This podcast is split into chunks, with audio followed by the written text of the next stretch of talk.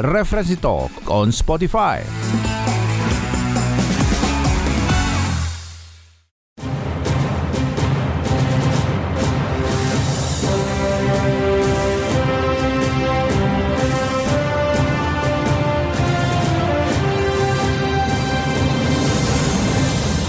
Kita hitung sama-sama Bapak Ibu sekalian. Satu, dua, tiga. Saya tidak kelihatan baik. Nomor urut satu, pasangan calon Bapak Joko Widodo dan Kiai Haji Ma'ruf Amin. Nomor urut dua, pasangan Bapak Haji Prabowo Subianto dan Bapak Sandiaga Salahuddin Uno.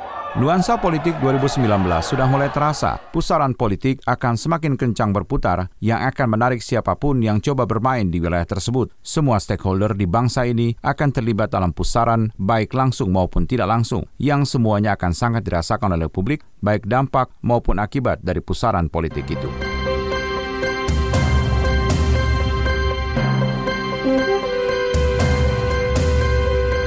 Hubungan antara media dan politik adalah hubungan yang saling membutuhkan. Para pelaku politik membutuhkan media untuk mempublikasikan kebaikan partai politik mereka. Politik sepertinya tidak mengenal batas. Apa yang terjadi di elit politik pusat juga terjadi di daerah. Hubungan politik dan media pun juga ikut berdinamika. Ketua Bawaslu Kota Bogor Justinus mengatakan bahwa pelanggaran oleh media massa masih ditemukan Bawaslu dalam perhelatan politik, misalnya di Pilkada, Kota dan Kabupaten Bogor. Kalau kaitan dengan media sendiri, itu pada saat itu kami su- sudah menurunkan tim kajian kepada salah satu ini koran di Bogor itu tentang proses pemberitaan yang tidak adil.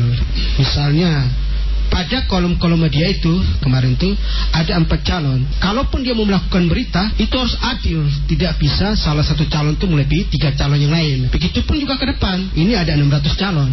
Bagaimana keadilan media supaya memberikan berita ini kepada calon-calon legislatif dalam menghadapi pemilu legislatif 2019 dan pilpres nanti? Namun kondisi itu bukanlah berdiri sendiri, karena politisi sangat menyadari bahwa media merupakan senjata ampuh untuk mempengaruhi publik terhadap pilihan politiknya. Wakil Bupati Bogor terpilih Iwan Setiawan mengaku bahwa timnya juga kadang membuat berita dan media sendiri, khususnya media online, dan mengeluarkan sejumlah uang untuk membeli media agar memasukkan dirinya dalam porsi besar di pemberitaan media tersebut. sebagai pelaku ada juga ingin keinginan bahwa media ini kita tarik. Ada keinginan pak.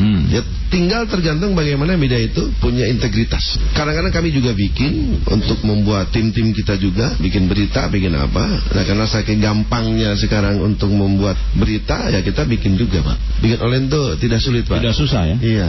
Maka pertanyaannya adalah, dengan model tersebut, mampukah media tetap independen dan tetap menjadikan buku saku Dewan Pers sebagai rujukan, atau justru sebaliknya? Alasan kebutuhan finansial untuk bertahan hidup perusahaan media akan mengalahkan idealisme. Publik pun menyuarakan pendapatnya soal independensi media. Nama saya Aji dari Cibinong, independensi media ya. Kalau menurut saya sih jujur dari yang saya ikutin ya memang belum. Malah mungkin terkesan ada jadi keberpihakan gitu dari sebagian besar media ke salah satu calon. Bahkan ada banyak media yang dimiliki oleh politisi yang secara fakta pun kelihatan dia ngedukung salah satu calon. Nama saya Atolda Saat dari Bogor ya. Ini untuk komentarnya media, terutama menjelang pemilu ya tahun 2019.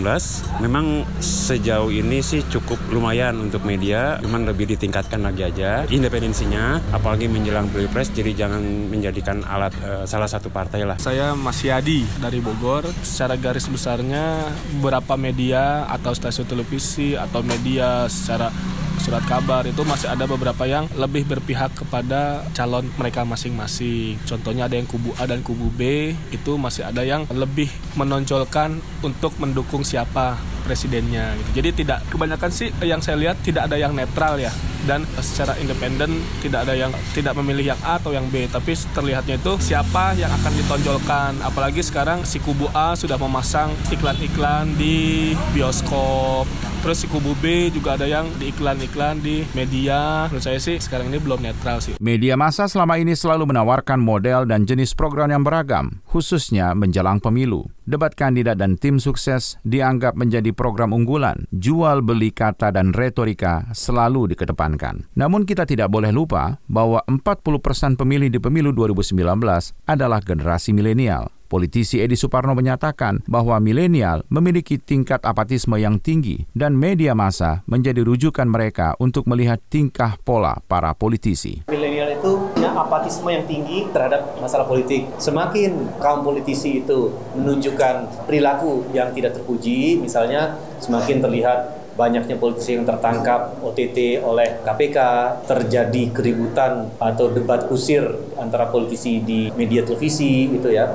Itu tentu akan membuat milenial semakin apatis ya. Mereka simpel saja berpikir, kalau kerjanya politisi itu hanya ribut-ribut aja, kapan punya waktu untuk ngurusin kita? Sementara itu politisi lainnya Sarifuddin Hasan sangat meragukan bahwa media akan bisa independen dalam pusaran politik karena faktanya hari ini media turut andil dalam pusaran itu. Apalagi media tersebut dimiliki orang yang memiliki afiliasi tertentu dengan partai politik yang ada di bangsa ini. Nah justru itulah ada kecenderungan bahwa media ini ditengarai syarat dengan kepentingan.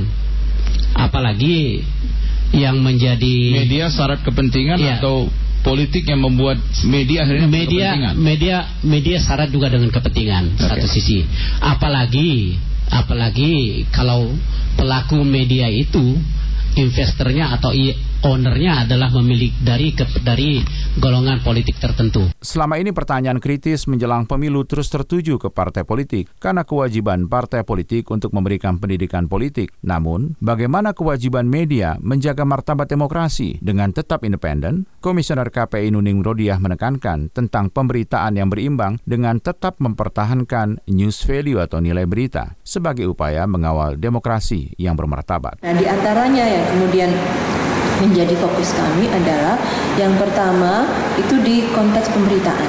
Di pemberitaan kita sudah berkomitmen bersama bahwa teman-teman media cetak, elektronik maupun online ketika melakukan pemberitaan harus mengedepankan prinsip-prinsip keberimbangan, proporsionalitas dan lain sebagainya. Sehingga apa? Masing-masing peserta pemilihan diberikan kesempatan yang sama untuk tampil. Memang ada sedikit kemudian pertimbangan di kami ini persoalan news value. Apakah kemudian ketika peserta pemilu itu tidak memiliki news value sama sekali tetap harus ditampilkan? Tentu tidak, kan begitu.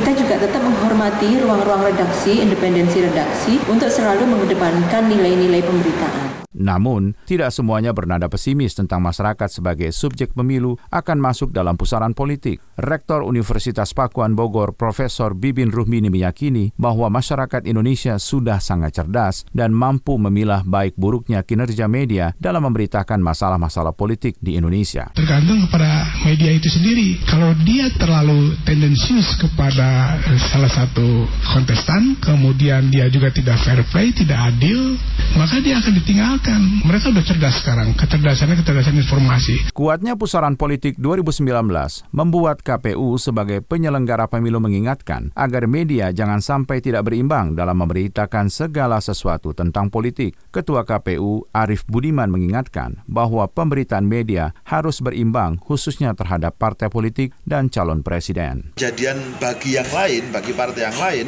itu mestinya juga diberitakan dengan cara yang sama. Bukan kemudian salah satu peserta pemilu diberitakan dengan durasi lebih lama dibandingkan yang lain. Jadi saya pikir prinsip pemilu yang universal, free and fair itu juga harus dipegang oleh media dalam memberitakan seluruh tahapan pemilu dalam memberitakan seluruh aktivitas peserta pemilu agar nanti tidak ada tudingan bahwa media itu berpihak pada salah satu peserta pemilu. Demokrasi memang tidak lepas dari politik, sehingga akan membuat siapa pun hanyut di dalamnya. Namun sebagai pilar keempat demokrasi, media harus berdiri di atas semua golongan, karena independensi media merupakan indikator pesta demokrasi yang bermartabat.